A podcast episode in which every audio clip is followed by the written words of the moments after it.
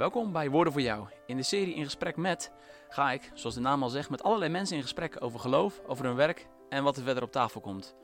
Afleveringen kun je bekijken via YouTube of beluisteren als podcast op Google Podcast, iTunes, Spotify of Soundcloud. Ik ben Gitte Korte en leuk dat je de moeite neemt om te kijken of te luisteren. Hartelijk welkom bij een nieuwe aflevering van In Gesprek met. Vandaag ga ik in gesprek met dominee Matthijs Schuurman. Ja, leuk dat je dit wil, uh, wil doen. Maar ja, mijn eerste vraag is eigenlijk, wie, ben je eigenlijk? Wie is dominee Matthijs Schuurman? Uh, ja, waar moet, moet, ik ermee beginnen? Ik ben predikant hier in Oldenbroek. Uh, tien jaar lang nu al. hiervoor nog vier jaar in Noord-Holland gestaan.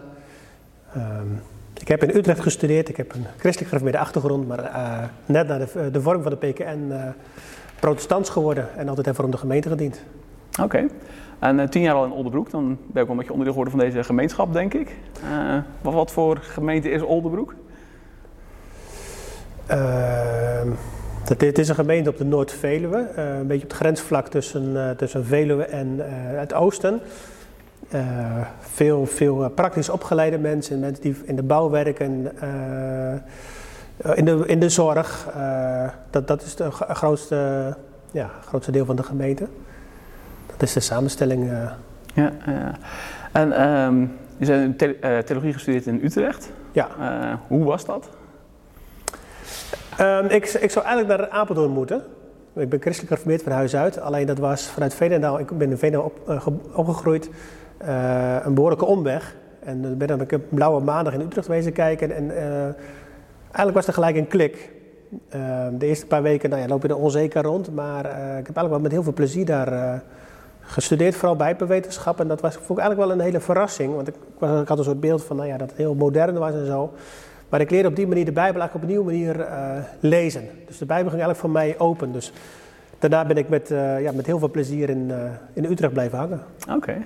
Ja, want dat, dat, dat Bijbellezen, dat was voor mijzelf ook toen ik ging studeren, zeg maar, een van de dingen inderdaad juist een soort van nieuwe manier van lezen of zo. Ja. wat was daar anders of nieuw aan? Uh, wij hadden uh, Jan Wagenaar, die gaf eh, als een inleiding in, in, Bijbelwetenschappen. En die, die vertelde eigenlijk aan de hand van het boek de Deuteronomium of Richteren, een van die twee boeken, dat het op een bepaalde manier ontwikkeld is. En juist door die ontwikkeling, dat je daar juist over kon breken. Dus ik vond het eigenlijk heel fascinerend dat je op een, met een historische blik naar de Bijbel kon kijken. En ehm, ik, ik ben ook eigenlijk afgestudeerd op een godsdiensthistorisch onderzoek naar het Oude Testament. Uh, mijn onderzoek ging uh, over, uh, je, hebt, je, hebt, in de, in de psalmen een paar keer de formulering het, aangezicht van God zien. En in alle culturen eromheen heb je dan een, een, beeld in de tempel staan. Hoe zit het dan in Israël als je zegt ik ga het aangezicht van God zien, maar er zit geen beeld in de tempel? Hoe, hoe verhoudt zich dat? Hoe, waar komt die uitdrukking nou vandaan? Dus nou, daar was u wel door, door gefascineerd. Alleen als je predikant bent, dan kun je eigenlijk weinig ermee, omdat je dan dan heb je eigenlijk veel meer aan de theologische visie op de Bijbel. Van, nou ja, uh, hier gaat de Bijbel over en, en dit is het woord van God. Uh, dus ik ben na mijn opleiding eigenlijk uh, in de gemeente vrij snel omgeswitcht naar een andere, een andere tak van sport, zeg maar. Ah ja, en welke tak is dat dan? Nou ja, meer de, de, de theologische kant van ehm, ehm, meer zeg maar de Bijbel lezen om, om er een preek van te maken. Ah ja. Terwijl mijn andere waar ik op afstudeerde was als meer van uh, zo was de cultuur, de tijd van de Bijbel uh, toen, destijds. Ja, ja, dus eigenlijk zeg maar eerst meer de oorspronkelijke betekenis van de tekst, zeg maar, in die cultuur, in die context. Ja, dat blijft nog steeds belangrijk, maar uh, niet de oorspronkelijke betekenis van de tekst. Want ik, ik, ik zat veel meer op de, zeg maar, de, de, de culturele kant daarvan. Van in welke wereld was dat meer? Van ah, ja. godsdiensthistorische ontwikkelingen, uh, culturele ontwikkelingen, uh, iconografie en dat soort dingen. Maar ja, als je dan predikant bent, dan, dan kun je, het is wel handig om dat te hebben. Als achtergrond. Uh, maar er komt geen preek uit voort. Nee, ja, dus we begonnen met een preekserie over Jeremia. Dat ja. is alweer een tijdje geleden volgens mij. nou ja, zondag ben ik, ben ik voor Jeremia 32 bezig. Dus, dus ik ben hapsnap een beetje, maar naar de zomer begonnen. Oh ja, ja. En um, ja, dat boek Jeremia, dat, dat intrigeert mij altijd heel erg, want het is een, uh, een, een, een, lastig boek, een taai ja. boek ook. Ja. Uh, hoe komt dat, dat mensen dat als een lastig boek ervaren? Uh, ik denk om verschillende redenen. Het is allereerst een heel groot, groot boek, 52 hoofdstukken. Uh, en daarnaast is de opbouw ook, uh, het is geen roman, dus, dus je leest niet van, van vers 1 tot, tot het laatste vers van hoofdstuk 52 aan één stuk door. De, er is ook een beetje discussie hoe dat boek is opgebouwd. nou ja, dus, dus, dus probeer het van voor naar achter te lezen, dan raak je al een beetje de, de draad kwijt. En je moet eigenlijk weten wat Jeremia doet in, zijn, in, zijn, in, zijn, in, in dat, wat er in dat boek gebeurt. Qua taal, qua, qua beelden, qua opbouw om het een beetje te begrijpen. Dus, dus mensen raken wel snel de draad kwijt, denk ik. Ja, en misschien ook de thematiek. Uh, het, het, is niet altijd. Uh, het zijn niet altijd de makkelijkste thema's. Uh, God die zich tegen zijn eigen volk keert. Um, nou, bepaalde verhalen die eigenlijk heel onbekend zijn. ook, ook hoofdstukken waarvan je denkt van maar qua datering, opeens dan vierde jaar van koning Joachim tiende jaar van koning Zedekia. Dat zat beide naast elkaar van, maar hoe zit het dan? Ja, ja, wij zelfs hebben ooit een keer op onze Bijbelstudie ook inderdaad Jeremia uh, bij de kop gepakt. En wij gingen dus wel gewoon van voor naar achter door het Bijbelboek heen. Uh, en uiteindelijk zijn we voor mij bij hoofdstuk 7 een beetje gestrand. Ja. dan heb je wel zelf veel, veel dezelfde dingen gehad. Want hoofdstuk 1 en 6 is eigenlijk een soort één geheel. ik kwam ook een keer een theorie tegen dat dat, dat, dat, dat is dat stukje wat later door koning Joachim in stukjes wordt gesneden. En eigenlijk opnieuw geschreven moet worden. Je ziet dat Jeremia soms ook wel een beetje uh, thematisch opbouwt. Dus bepaalde ah, hoofdstukken bij elkaar stopt. Uh, je hebt eerst zes hoofdstukken en dan hoofdstuk 7 gaat Jeremia eigenlijk voor het eerst op pad om, om wat te doen. Dus het, het, het zit wat, voor ons gevoel, wat chaotisch in elkaar. Ja, ja. Oké, ja, dus we zijn eigenlijk gestopt op het moment dat, het, uh, dat er wat ging gebeuren, zeg maar. Nou, dat wat ging gebeuren, er gebeurde natuurlijk wel wat, maar je moet eigenlijk weten hoe je die eerste hoofdstuk moet lezen. Ehm ja, eh, wat ik zelf probeer te doen is niet van, van voor tot achter, maar steeds wat stukjes eruit van, nou, dit is, dit is wat kenmerkend. Uh, nou, ik heb jou hoofdstuk 1 gedaan, nou ja, dat is de roeping, maar ook, ook hoofdstuk 3 uh, rondom avondmaal, dat is, dat is meer een soort, soort oorlogsprediking. en dan hoofdstuk 7, uh, nou, hoofdstuk 32, hoofdstuk 35, hoofdstuk 35 gaat over de regenbieden. Dus, dus steeds, steeds een stukje, zeg maar. Ja, echt thematisch dat je dat boek uh, eigenlijk door, uh, doorgaat. Ja, het is net als met onderwijs. Ik, ik, ik heb wel zo begrepen bij het onderwijs, ik, ik, ben niet zo goed in het onderwijs, maar als je een bepaald thema hebt, dan kun je zeg maar dat heel langdurig doen, maar dan kom je nooit alles. Dus soms moet je flarden, zeg maar, doen om van alles een beetje een, een indruk te geven. Ja, ja, om daarmee ook dan weer zicht op het geel van het boek te krijgen eigenlijk. Ja. Ja, ja.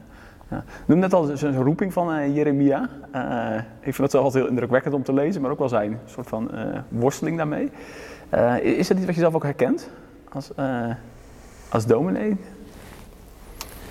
Ehm, ja en nee. En, en, nee in de zin van, ik, ik heb niet een duidelijke stem gehoord van... Van, net als Jeremia wel, die, die wordt natuurlijk aangespoord, die, krijgt, die krijgt een stem en die zegt, nou ja, ik ben te jong, Ehm, voor mij is het meer naar de opleiding. Je groeit er eigenlijk naartoe, dat, dat was het meer. Uh, maar bepaalde facetten wel, dat je een opdracht meekrijgt en dat je, dat je wel een taak hebt, dat, dat is natuurlijk wel weer herkenbaar. En dat uh, zo'n taak die altijd even de makkelijkste is. Uh, nou ja, bij, bij Jeremia is het natuurlijk wel zo van, alles wat hij vertelt, hij heeft maar weinig mensen die hem ehm, begrijpen en zijn boodschap oppikken. Nou ja, als predikant is het gelukkig wat anders dat als je, als je wat vertelt, dan, dan dat, dat best wel wat mensen uh, nou ja, toch, toch ja, daar iets mee doen. Ja, dat is wel weer het verschil. Uh. Ja, ja. Want hoe zou je dat die, die opdracht omschrijven, zeg maar, uh, die je dan meekrijgt als predikant? ja, hoe ik die zelf zou omschrijven. Ik, ik, ik, ik kom vanuit de wereld van de Bijbelwetenschap en heb ook aan het eind van mijn opleiding ook heel veel praktische theologie gedaan. Dus ik, ik zie mijzelf eigenlijk als taak van je hebt, die Bijbel, die, die, niet lang altijd begrijpelijk is, om, om, om die een soort uh, dichterbij te brengen. Om, om er een soort, uh, net als een gids, uh, als je in een museum bent of op een bepaalde plek bent en je hebt een gids die dan uitleg geeft. We zijn een keer met de tieners hier naar Westerbork geweest. En, en als je dan een gids erbij hebt die dan ter plekke wat vertelt, dan gaat het verhaal leven. Want anders is Westerbork is een beetje een kale vlakte. Ehm, daar moet je eigenlijk zelf wat van maken. Heb je dat niet, dan maakt het niet zoveel indruk. Maar heb je een gids erbij die dan er een verhaal vertelt en wat gezichten naar voren haalt en wat geschiedenis naar voren haalt. Zo zie ik mijn taak eigenlijk ook een beetje. Uh, ja, je leest zo'n bijbeltekst, je leest Jeremia. Uh, nou ja, ik denk dat heel veel mensen diezelfde ervaring hebben van, uh, ja, het staat in de Bijbel, maar ja, halverwege verdwalen ze en dan haken ze af. En dan, Ja. wat is dit voor een boek? Wat moet ik ermee? Ja, wat moet je ermee? En, en eh, als je het ook niet begrijpt, eh, ja, dan, dan, kun je er ook bijna, dan heb je ook bijna geen boodschap eh, eh, eraan. Dan kun je eigenlijk ook weinig er, er iets van maken, zeg maar. Ja, ja, ja. Want ehm, een- wat heel kenmerkend is voor Jeremia is zijn oordeelsprediking. Eh, hoe, hoe, zou die, hoe zou je die omschrijven als... eh, Ja, eh, ehm, eigenlijk ehm, zie je dat Jeremia. eigenlijk op verschillende facetten zijn ervan. Eh, je ziet alle- allereerst dat, dat Jeremia veel de opdracht krijgt om, om te zeggen van. Jullie dienen God, maar God keert zich tegen zijn volk, want jullie dienen God helemaal niet. Eh, dus je ziet eigenlijk in Jeremia dat hij steeds moet aankondigen dat, hij, eh, dat God ehm, zich toont eigenlijk in, in de gestalte van die legers van Babylonië. Er komen legers van Babylonië eh, een paar keer het land binnen. Er wordt een keer in twaalf jaar voordat die stad verwoest wordt, er wordt al een hele groep weggevoerd. En later met Zedekia wordt de stad helemaal verwoest en de tempel ook. En wat je eigenlijk ziet is dat Jeremia aankondigt dat, dat, dat die Babyloniërs niet zomaar komen, maar dat dat eigenlijk een, een, een instrument van God is. Ehm, ik heb vorig jaar over Habakkuk ge- gepreekt, dat is eigenlijk ook hetzelfde. Van, van die vijandelijke legers, die komen niet zomaar, eh, maar als een manier waarop God zich eh, aan Israël bekend maakt. ja, Ja, dat is natuurlijk toch best een. eh, nou ja, als je, als je dat als, als luisteraar of, of als, als bijbellezer leest, dan denk je, nou, nou ja, dat is wel iets wat je achter je oren krabt, zeg maar. Ja, ja, ja. dat roept ook gelijk wel de spannende vraag van inderdaad, hoe kun je dat naar vandaag vertalen? Zeg maar, als je dat in je gemeente dan preekt, zeg maar, hoe maak je dan die vertaalslag? Maar ja, dat is ingewikkeld. Ik heb toen, eh, dat, dat is niet zomaar even eh, ehm, iets, iets wat je, eh, ehm, wat, je, wat je dan nu zo kunt halen, om, om, eh, maar wel als een, eh, moet ik zeggen, als een soort mogelijkheid die er is. Dat, dat, dat, je, ehm, dat je niet vooruit moet gaan, maar dat God automatisch in je kant staat. Ja. En dat, dat, dat, dat de Heer ook wel eens bepaalde wegen met je kan gaan die eigenlijk helemaal dwars tegen je, eh, je eigen verwachtingen ingaan. Nou ja, eh, misschien de coronatijd dat, je, dat de kerk stil eh, komt te staan. Ik had vanmorgen nog een eh, gesprek met collega's die gaven aan, ja, maar we merken nog lang dat, niet dat iedereen naar de kerk terugkomt. Heel veel, heel veel jongeren, jonge gezinnen haken af. Die vinden het eigenlijk wel best. Die zijn erachter gekomen van, nou ja, die zijn tot stilstand gekomen. Moeten die kerkgang alsnog weer oppakken. Eh, nou ja, dat, dat kan een manier zijn waarop, waarop je aan de hand van Jeremia zou kunnen zeggen van... hé, maar is dat toch niet iets waar, waarin God zich laat zien? Mhm. Op een manier... Je denkt eigenlijk, maar God is er eigenlijk altijd om, om de kerk op te bouwen en, en, en een goede kant op te sturen. Ehm, is, is, is er ook niet de mogelijkheid om eh, dat, dat God de kerk afbreekt? Het begin van hoofdstuk 1, Mhm. bij die roeping. Jeremia krijgt de opdracht om af te breken ehm, en, en te verwoesten, uit te rukken. En daar ligt, eh, er zijn vier woorden voor ver- ver- verwoesting en twee woorden voor opbouw. Dus het accent ligt op de verwoesting van, van Ah. Israël, van Juda. Ehm, en, en, en, en daarna pas, zeg maar, nou ja, mondjesmaat, maar dat hoort er wel bij bij Jeremia, dan, dan de opbouw pas. Maar wel is die verwoesting. Ja, ja. Ehm, maar goed, dat, dat schuurt wel heel erg, zeg maar. Inderdaad, natuurlijk inderdaad een soort van vertrouwen, zeg maar. Dat, je, dat de Heer met je is. Want tenminste, dat valt me op als ik Jeremia lees. Maar dat, hij altijd, eh, dat de mensen van heel zelfverzekerd zijn. Van oké, dit is de tempel van God. Ja. Daar gebeurt Ja. niks mee. En dat blijkt dan inderdaad eh, toch niet te kloppen. Ja, maar dat, die, die zelfverzekerdheid, dan, de, eh, als, een, er is ook een verschil tussen zekerheid en zekerheid. Er de methodische traditie maakt ook altijd een verschil tussen twee vormen van zekerheid. De ene is een zekerheid van oprecht vertrouwen op God. En de andere is een bepaalde zekerheid die je zelf aanpraat, waarbij je God niet meer nodig hebt. En je ziet eigenlijk in de profeten, eh, dat, dat omdat ze die tempel hebben, en omdat Jeruzalem de stad van God is, dan is de gedachte, ja, maar ons kan niks overkomen. De, wij hoeven, hoeven ons niet druk te maken, eh, we hoeven ons niet te bekeren. Eh, we kunnen zo blijven leven, want, want God laat ons toch niet vallen. Ja, ja. En, en dan zie je eigenlijk een soort, als een soort extreme pedagogische maatregel dat, dat, dat, dat de Heer God laat, wil laten merken, ja, maar wacht even, jullie denken met mij te leven, maar jullie hebben eigenlijk mij helemaal niet meer in, in huis. Dus eigenlijk ben ik er al niet meer. Dus, dus je moet niet eraan opkijken als die stad valt. Ja, eh, en als je dat dan naar vandaag de dag eh, eh, vertaalt, zeg maar, is het dan ook dat we een soort van, ja, als kerk misschien dat we te veel op onszelf dan vertrouwen? Of, ja, op, op, je eigen kunnen. Op je, je, je, van nou, wij krijgen het wel voor elkaar. Of we moeten dit doen of we moeten dat doen. Uh, uh, ja, zeker als het op een bepaalde manier uh, loopt, dat je denkt, ja, maar ons kan niks overkomen. Ik, ik las een tijdje geleden uh, een heel boekje van Graafland. Ik, ik, heb eigenlijk niet zo heel veel met uh, Graafland. Ik, er waren wat boeken weer uitgekomen van over hem en van hem. En dus ik was even benieuwd. Je had in de jaren tachtig een discussie over godverduistering. En dan geeft Graafland eigenlijk aan van, ja, maar het was eigenlijk in de reformatorische wereld waar hij zelf ook een beetje bij behoorde. De gedachte, maar wij, bij ons kan die secularisatie niet komen. Oh ja. Wij hebben er niet mee te maken, want wij hebben, wij hebben het woord van God. Wij doen het op de juiste manier. Uh, en ik denk dat je dan je misrekent. Ja. Dat, dat dan juist Jeremia gaat leven. Van op het moment dat jij een, van je geloof een bastion maakt. Uh, en denkt, ons kan niks overkomen. Uh, dat je ook weer heel makkelijk uh, God kunt kwijtraken. En dan denk je, ja, maar wij hebben hem wel aan onze kant. Ja, uh... en, en, en, en, en daar gaat Jeremia eigenlijk tegen, tegenin. Uh, Jeremia is natuurlijk niet bedoeld om het vertrouwen in God af te breken, maar juist het valse vertrouwen af te breken. En uh, ja, daarvoor in de plek weer iets terug te geven. Ik, ik las ooit een, een artikel van, uh, van Ruler. Ruler en, en, en, dat was een heel fascinerend artikel, maar dat gaf in zijn tijd heel veel opschudding. Was net na de ramp in Zeeland, vijf jaar later schreef over God en de chaos. En dan schrijft hij, schreef hij van, ja, maar God geeft uh, een bepaalde orde in de wereld. Nou, dat is eigenlijk ook wel heel, heel, heel bijbels. Uh, er zit een stabiliteit in de wereld. Maar wij mensen maken daar een, een, een kosmos van, een, een stabiliteit zonder God. Dus ah. wij, hebben die, wij hebben God niet meer nodig voor, voor, die, voor die stabiliteit. En hij zegt, dan komt God en die maakt er een chaos van om onze kosmos, onze stabiliteit zonder God te verstoren zodat er weer ruimte komt voor zijn orde. Ah. Dus, dus God brengt zichzelf terug door onze vastigheden af te breken. Uh, nou ja, dat is eigenlijk ook, met dat in mijn achterhoofd begreep ik Jeremia ook wel. Dat, uh, ja, Jeremia moet bepaalde zekerheden afbreken, uh, omdat het verkeerde zekerheden zijn.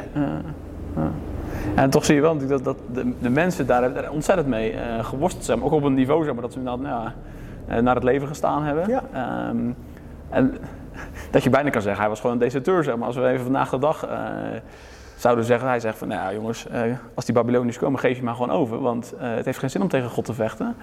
Ja, en daarom zit hij ook gevangen. Hè? Want hij, hij en, en daardoor mag hij ook blijven leven. Want blijkbaar is, heeft die commandant van de Babyloniërs te horen gekregen dat Jeremia voorspeld heeft dat ze zich moeten overgeven. Dus Jeremia mag ook die, die, die wordt eigenlijk eerst meegevoerd naar Babel. En dan, dan komen ze erachter dat hij ertussen zit. En dan mag hij weer vrij.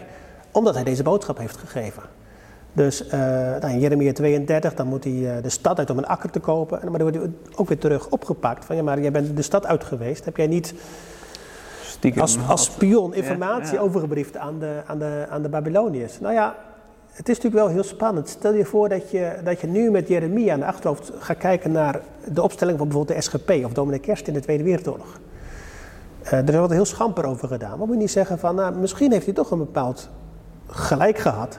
Ik zou dat niet zomaar zeggen hoor, maar wel, wel als een soort. Uh, um, kijk, als je echt gelooft dat, dat de komst van de Duitsers uh, een vormende oordeel is, ja, wat doe je er dan mee? Wat, wat, wat, hoe, hoe, hoe, hoe stel je dat daar, daar tegenover? Dat is nu deze tijd, de coronatijd, van als je echt gelooft dat dat, dat, dat virus wat rondgaat en, en, en onze hele samenleving tot stilstand komt. Als je echt gelooft dat het de orde van God is, welke, welke les trek je dan eruit? Ja, maar is dat niet juist onze uh, bijna grote angst, zeg maar? Als je ziet eh, in het duiden van die coronacrisis, was juist het hele idee van oordeel was ja, dat hoorde je een beetje aan de randen, zou ik bijna zeggen, van het kerkelijk leven. Uh, ja, maar dat komt omdat het ook een soort voorspelbaar is dan. Hè? Want dan, dan uh, dat gebeurt in de reformatorische hoek en dan, dan is het eigenlijk een soort, soort, uh, soort bevestiging waar je zit op de juiste weg. Ah, ja. Dan wordt eigenlijk dat de oordeelsprediking gebruikt van ja, maar mensen hebben het, het, het reformatorische spoor verlaten. Mm -hmm. En dat is natuurlijk maar de vraag of dat oordeelprediking is. Um, want hoe komt het dat dat coronavirus over de wereld gaat? Dat is omdat... Um, we natuurlijk zoveel vliegverkeer hebben, zoveel verkeer ja. over en weer, scheepvaart. Uh, we hebben zoveel transport over deze hele wereld. En je ziet ook wel dat dat negatieve gevolgen heeft. Voor het milieu en dat soort dingen. Dus onze manier van leven En dat bedoel ik niet zozeer uh, onze zeden en zo, maar ook, ook, ook nou ja, vakantie gaan, uh, spullen uit, uit China bestellen. Uh, nou, je kunt ook, ook, afvragen of dat wel gezond is. Ja, En, en als, als daar een vorm van stilstand komt, ik denk dat je wel daarna moet kijken van, van is, is het, ons hele leven is tot stilstand gekomen. Ehm, wat heeft dat te zeggen? Ja, dat, is wat, dat, is wat, anders dan wat vaak een beetje met oordeel wordt gezegd. Ja, maar ons land en ons volk is afgeweken van Gods geboden. Ja, ik, ik denk dat je daar wel heel voorzichtig mee moet zijn, want je kunt dat heel makkelijk, ehm, heel makkelijk over anderen zeggen. Kijk, als je echt gelooft uh, dat zo'n coronacrisis een, een oordeel van God is, dan moet je je afvragen, moet je wel naar de kerk gaan? Ja, uh. Er werd dus gezegd, ja, maar je moet juist dan naar de kerk gaan. En dan denk ik, nee, als je echt gelooft dat het de orde van God is, moet je dan je niet voegen en eraan leiden. Ja, Want dat is wat ook wat Jeremia doet. Hè. Jeremia die, uh, uh, Jeremia leidt ook aan die boodschap die hij moet brengen. Hij krijgt te horen van je mag niet meer voor het volk bidden. Ja. Uh, nou ja, dat, is nogal wat. En, en, en, en, en, en hij, hij geeft zich niet gewonnen, hij gaat er tegen in verzet. Maar je merkt aan alles dat Jeremia echt ook als persoon ook echt ook leidt aan, aan, aan, aan zijn taak, zeg maar. Ja. Is, is, is het daar dan niet zeg maar, uh, dat als je zeg maar, de, de oordeelspreking alleen maar over de ander gaat en niet zozeer over jezelf, uh, dat je daar een soort van de misdaad in gaat, zeg maar. Als je dan alleen maar kijkt naar de ander en niet zozeer van, nou, oké, wat heeft die oordeelspreking ook mij te zeggen dan? Nou ja, een van de lessen in, uh, in, in, in de homiletiek is van, als je preekt, gaat dat eerst over jezelf. Je bent zelf altijd de eerste, eerste luisteraar. Dat, dat, geldt ook voor een positieve boodschap, een, een opbeurende boodschap, dat je zelf ook dat, dat tegen jezelf zegt en ook dat gelooft. Maar ook als het gaat over oordeel, maar ook over zonde. Je bent altijd eerst zelf. Uh, op het moment dat ik, stel dat ik over Jeremia preek en, en ik zou tegen de gemeente zeggen, of ik zou vanuit de gemeente zeggen, ja, maar de samenleving, ja, daar maak ik wel heel makkelijk vanaf. Want dan, dan, dan uh, vergeet ik eigenlijk waar dat Jeremia bedoeld is. Als een spiegel van mezelf. Ja, dus, dus, dat, dus Jeremia lees je allereerst uh, als een roepstem voor jezelf. Maar hoe zit het eigenlijk nou met mij? Ja, ja, en al, wat je net noemt, inderdaad, bijvoorbeeld van inderdaad onze, eh, hoe we alles consumeren, zeg maar, onze vakanties. Uh, maar ook de zorg natuurlijk, die, nou, waar we natuurlijk echt zoiets van, we hebben onze zorg op een rijtje, zeg maar. Dat ineens blijkt van, nee, dat is helemaal niet zo. Dat eigenlijk alle dingen waar je heel veel zekerheid uit haalt, ja, dat het veel kwetsbaarder blijkt te zijn dan je ooit had kunnen denken. Ja, dat is ook op heel veel, heel veel vlakken. De, de, zorg op orde, dat is natuurlijk maar de, de vraag. Want uh, onze zorg is natuurlijk op een bepaalde manier zo georganiseerd dat, je, dat je, um, het, het, net haalbaar is. En dat heeft ook een, heeft ook een oorzaak. Hè? Want er zit ook, zit ook, zit ook een, een, prijskaartje aan. Uh, dus, dus jou kunnen zeggen, we zijn eigenlijk niet bedacht op onzekerheden. Dat zag je van, van de zomer in, in Zuid-Limburg. Opeens zo'n regenval. Ehm, ja, dat gebeurt één keer in de 100 jaar. één keer in de 400 jaar. Maar eigenlijk hebben we al die onzekerheden proberen we een soort, soort uit te sluiten. Mm -hmm. uh, en komen ze toch. Maar dan hebben ze behoorlijke impact. Ja.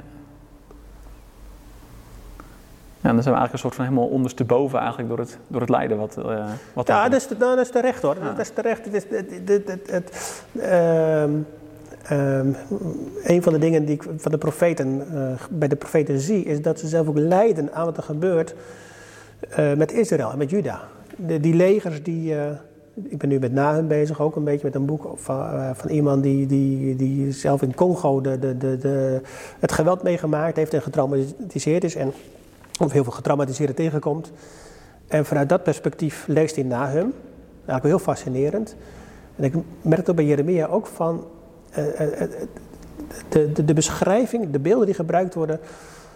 Um, alles wat er in, in in die tijd gebeurt aan, aan spanning, aan, aan dreiging, aan, aan oorlog, aan legers die langskomen, dat, dat, dat wordt allemaal verwerkt. En, en, eh, en ook op een manier waarop je merkt dat, dat Jeremia echt aangedaan is. Ja, ja. En wat meer persoonlijk, heb je dat zelfs ook als dominee, zeg maar, dat je zegt van ik, ik leid echt aan iets dat je merkt van dit, dit doet mij meer dan gemiddeld of zo? Nou ja, we hadden hier... Uh, um, uh, maart, april heb ik heel veel begrafenissen gehad met corona. En uh, uh, heel veel om ons heen, heel veel collega's die, die waren bezig met, ja, maar waarom moet je terug uh, naar, naar, naar, naar 100? Uh, op een gegeven moment was het alleen de kerkenraad, alleen een klein groepje. Terwijl je hier vanuit de kerk best wel veel mensen moesten begraven. Dus dan, dan ehm, Ja, dat, dat ga je niet in de koude kleren zitten. Dan, je, je draagt het ook mee. Eh, hoe langer je bij, op een bepaalde plek bent, je, je, je, je, raakt verbonden met de vreugden die er zijn. Maar je, merkt ook. eh, nou, ik kreeg een beroep in, die- in, eh, af, afgelopen jaar. en tijdens die periode liep ik over de kerkhof. Ik had een begrafenis en dan loop je terug. en denk je, ja, maar die heb ik begraven, die heb ik begraven, die. En ik merk dat ik een soort. Ja, niet los van kon komen. Ja, ja. Eh, Dat je ook, ja, maar er zit overal verhalen vast. Eh, je, je kent de familie, je kent, nou ja, je kent de omstandigheden. Ik, ik vond het wel heel, ja, je, ver- je vergroeit met de, met de gemeenschap wat mooie dingen betreft, maar ook wel met, met de zorgen en de verdriet er. Ja, ja.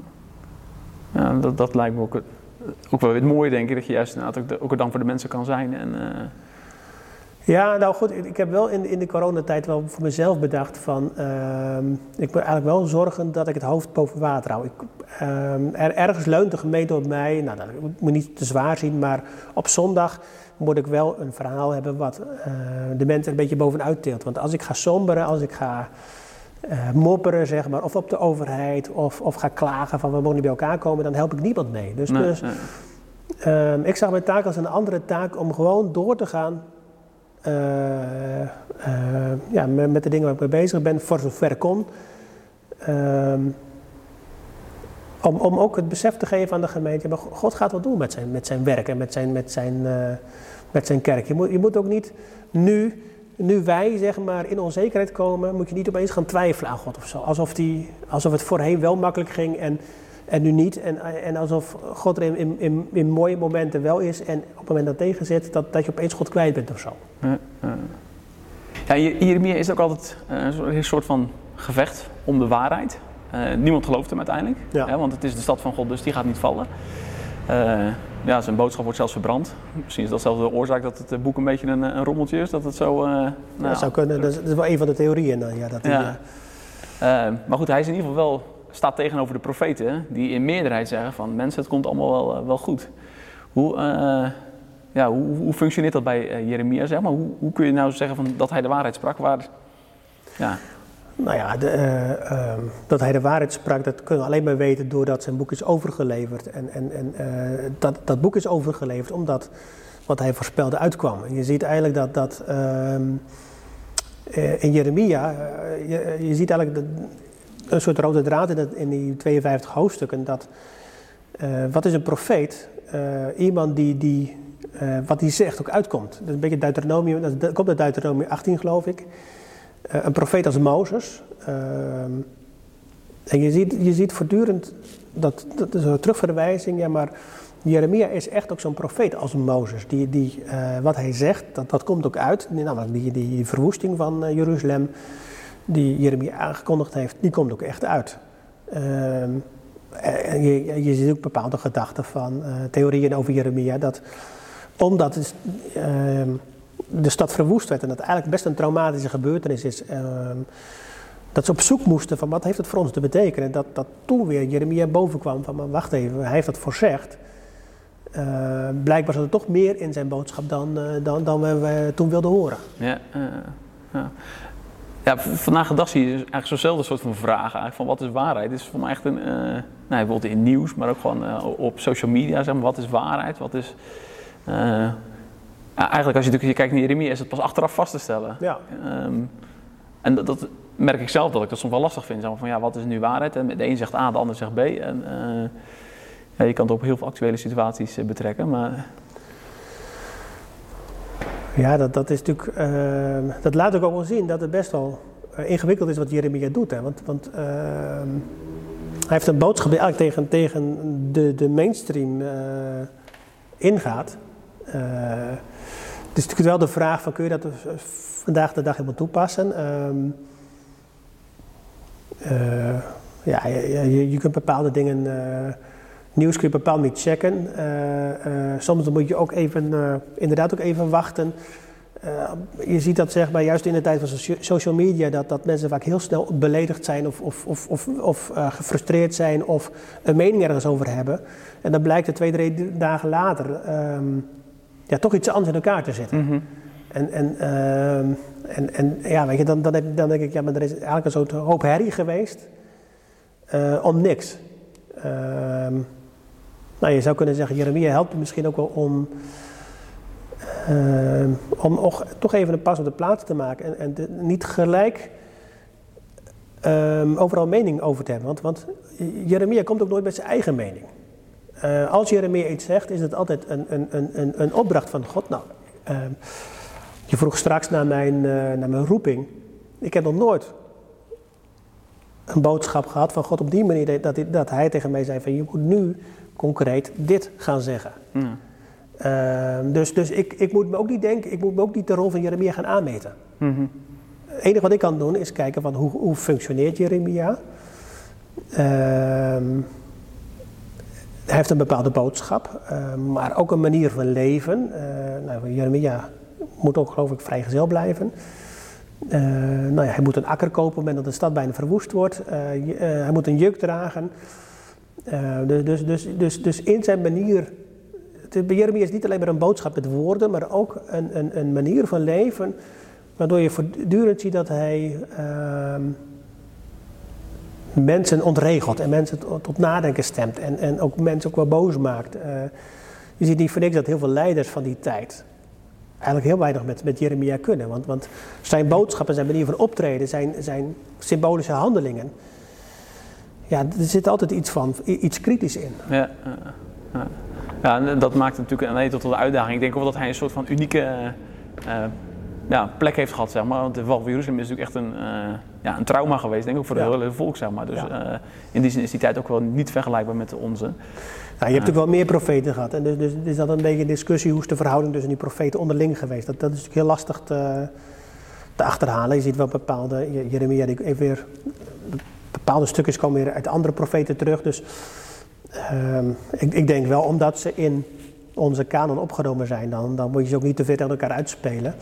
Uh, in deze zin is denk ik Jeremia niet helemaal uniek geweest. Uh, maar het is wel een vrij groot hoofdstuk, dus, dus het, het gaat wel ergens over. Ja, uh, ja. ja, ik denk inderdaad van het, het, gewoon het kritisch kijken inderdaad van de mensen was op zich niet verkeerd. Alleen uh, ze hadden beter moeten luisteren waar de kritiek over ging. En dat we daar nou ja, wat, wat, ze, wat, ze, wat je eigenlijk ziet is dat ze eigenlijk helemaal geen zin hebben om na te denken over hun manier van leven. En, en, en vooral ook niet na te denken over hun, hun, hun manier van leven met God. Van, van, dat, dat, dat zit wel goed. Ja. Um, nou ja, dat, dat, dat, is denk ik met. Uh, je ziet ook dat best wel veel christenen uh, vatbaar zijn voor, voor, voor nepnieuws. Ik vind dat ook wel ergens een soort zorgelijk. Um, of dat nou met Jeremia te maken heeft, weet ik niet. Maar um, ik vind het wel een soort zorgelijk. Ik denk, ja, maar je laat je ook wel heel makkelijk meenemen door een bepaald gevoel of door een bepaald idee. Of je zit zelf niet zo makkelijk in deze samenleving als reformatorische christen. En, en nou, er komt iemand die ook kritisch is en je sluit je erbij uh, aan. Ik zag gisteren nog een opmerking van iemand die zegt, ja, de, de, de, degenen die nu tegen het vaccineren zijn, zijn onze bondgenoten denk ja, wacht even, je, gaat, je, je, je schaart je wel in een kamp met allerlei uh, mensen waarvan je afvraagt, vraagt, moet je daar in het kamp zitten? Je, in de tijd van uh, Jeremia zie je een van die koningen die sluit om, om, om van Babel af te komen, sluit hij een verbond met de volken eromheen. Uh, ze staan sterk, het lukt een tijdje, ze zijn een tijdje zonder vrij van Babylon, maar op een gegeven moment dan komt uh, Nebukadnezar terug, ja, dan zijn ze het hele land kwijt. Ja, Dus, dus, dus uh, dan is de stad verwoest en is de tempel verwoest. Dus het, het lijkt makkelijk om aan te sluiten bij uh, mensen die niet op jouw lijn liggen. Of die, die, nou ja, die voor een klein stukje met jou overeenkomen. In een verzet tegen een bepaalde overheid. Uh, maar de gevolgen kunnen groot zijn. Bij Jeremia zijn de gevolgen groot. Namelijk, het is verzet tegen Babel en uiteindelijk verzet tegen God. Nou, dan zou moet je die lijn niet doortrekken in, in de discussie over vaccinatie. Dat moet je niet doen. Maar dat geeft wel aan van. Er zit wel een heel groot risico in dat jij je bondgenoot maakt van uh, mensen die maar op een fractie uh, met jou overeenkomen. Ja. ja, en die ook uh, los van God staan. Want dat is natuurlijk zo'n zo koning, als je die natuurlijk kiest, zeg maar, die leeft niet met God. En als je inderdaad je bondgenoten kiest uit mensen die inderdaad nou, helemaal niks met God hebben, inderdaad, ja. en je, je, daar een soort van ja. uitlevert, of daar je vertrouwen zegt van nou kijk, ja. zie je wel, die, die zijn ook tegen vaccineren bijvoorbeeld. Ja, de boodschap van Jeremia is in die zin dus best ingewikkeld. Hè, van, nou ja, je, je, er komt iets over je heen. een vijand. Nou, dat is ook, uh, daar moet je ook niet te lichtzinnig over denken. Dat, dat brengt ook heel veel verwoesting met zich mee. Uh, dat brengt altijd verkrachting met zich mee. Dat brengt altijd verminking met zich mee. Um, Zo'n hele land is een rep en roer. En die, um, nou ja, je, je, hebt er nog, nog decennia lang last van. Maar toch zegt Jeremia, je, je moet je er niet tegen verzetten, want het is Gods hand. Het is, het is God die zich daarin laat zien. Dus dat is wel, uh, ja, ik snap ook wel dat mensen in die tijd uh, zich wel afvroegen van, uh, van Jeremia, ben je wel op het goed spoor? Ja, ja. En toch is Jeremia voor me ook een hele hoopvolle profeet. Jazeker, ja, nee, maar dus, um, in hoofdstuk 1 dan zie je dat, dat er vier woorden gebruikt worden voor afbreken. Nou, het, een groot deel van het boek um, gaat ook over afbreken. Uh, daarna zie je uh, twee uh, woorden voor opbouwen. En, en, ook dat komt ook, je ziet ook voortdurend dat ook weer terugkomen. Minder vaak dan het afbreken. nou ja, je hebt in het midden hoofdstuk 30 en 31. Nou, misschien horen hoofdstuk 32 en 33 ook bij, bij een soort troostboek wordt dat al genoemd. Hoofdstuk 32, dat is uh, Jeremia moet een akker overnemen van een oom. Dan komt zijn neef bij hem en zegt, Jeremia wil jij die akker kopen? Dat is op het moment dat de stad bijna wordt verwoest. Elke paar maanden voordat die stad en die tempel verwoest worden. We weten niet of Jeremia het overleeft. Hij verdwijnt ergens een keer, uh, lijkt het wel.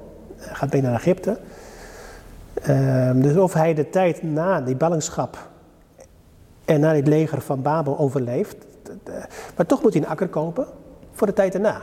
Ja. Dus uh, uh, met andere, andere woorden van, er komt heel wat over je heen. de eerste 70 jaar zal die akker niet bebouwd worden. Maar daarna komt de tijd dat die akker weer nodig is. Nieuw leven, nieuwe oogst, een nieuwe toekomst. een nieuw verbond zelfs. Uh, een nieuw verbond waarbij, uh, nou, eigenlijk, uh, eigenlijk een soort de wet niet meer nodig is, om, omdat dat het helemaal van binnen zit. Heel het hart is van God, zeg maar.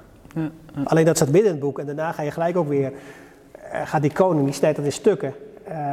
dus dan zie je ook weer van ja, Jeremia is wel hoopvol, maar hij loopt zo ver van de troepen uit dat eerst het andere nog moet gebeuren. dus in die, op, in die opbouw zit ook iets van um, iets tegendraads. Op het moment dat, uh, dat het volk hoopvol is, is Jeremia somber en, en, kritisch. Op het moment dat het volk somber gaat worden, is Jeremia weer hoopvol. Er zit altijd iets ah, ja. in van. Hij blijft schuren. Ja, ook, ook iets van iets, het onverwachte. Ja, uh, uh. ja dat is een. Uh, ik denk een hele mooie boodschap tegelijk hoor. Ja, het ging net even over kerk inderdaad, waar mensen nog niet terugkomen. Dan mag je daar denk ik ook toch ook hoopvol over zijn. Ja, eh, een van de dingen waar ik me over verbaasd heb in de coronatijd is, is um, geloven eigenlijk wel dat God zijn kerk bouwt.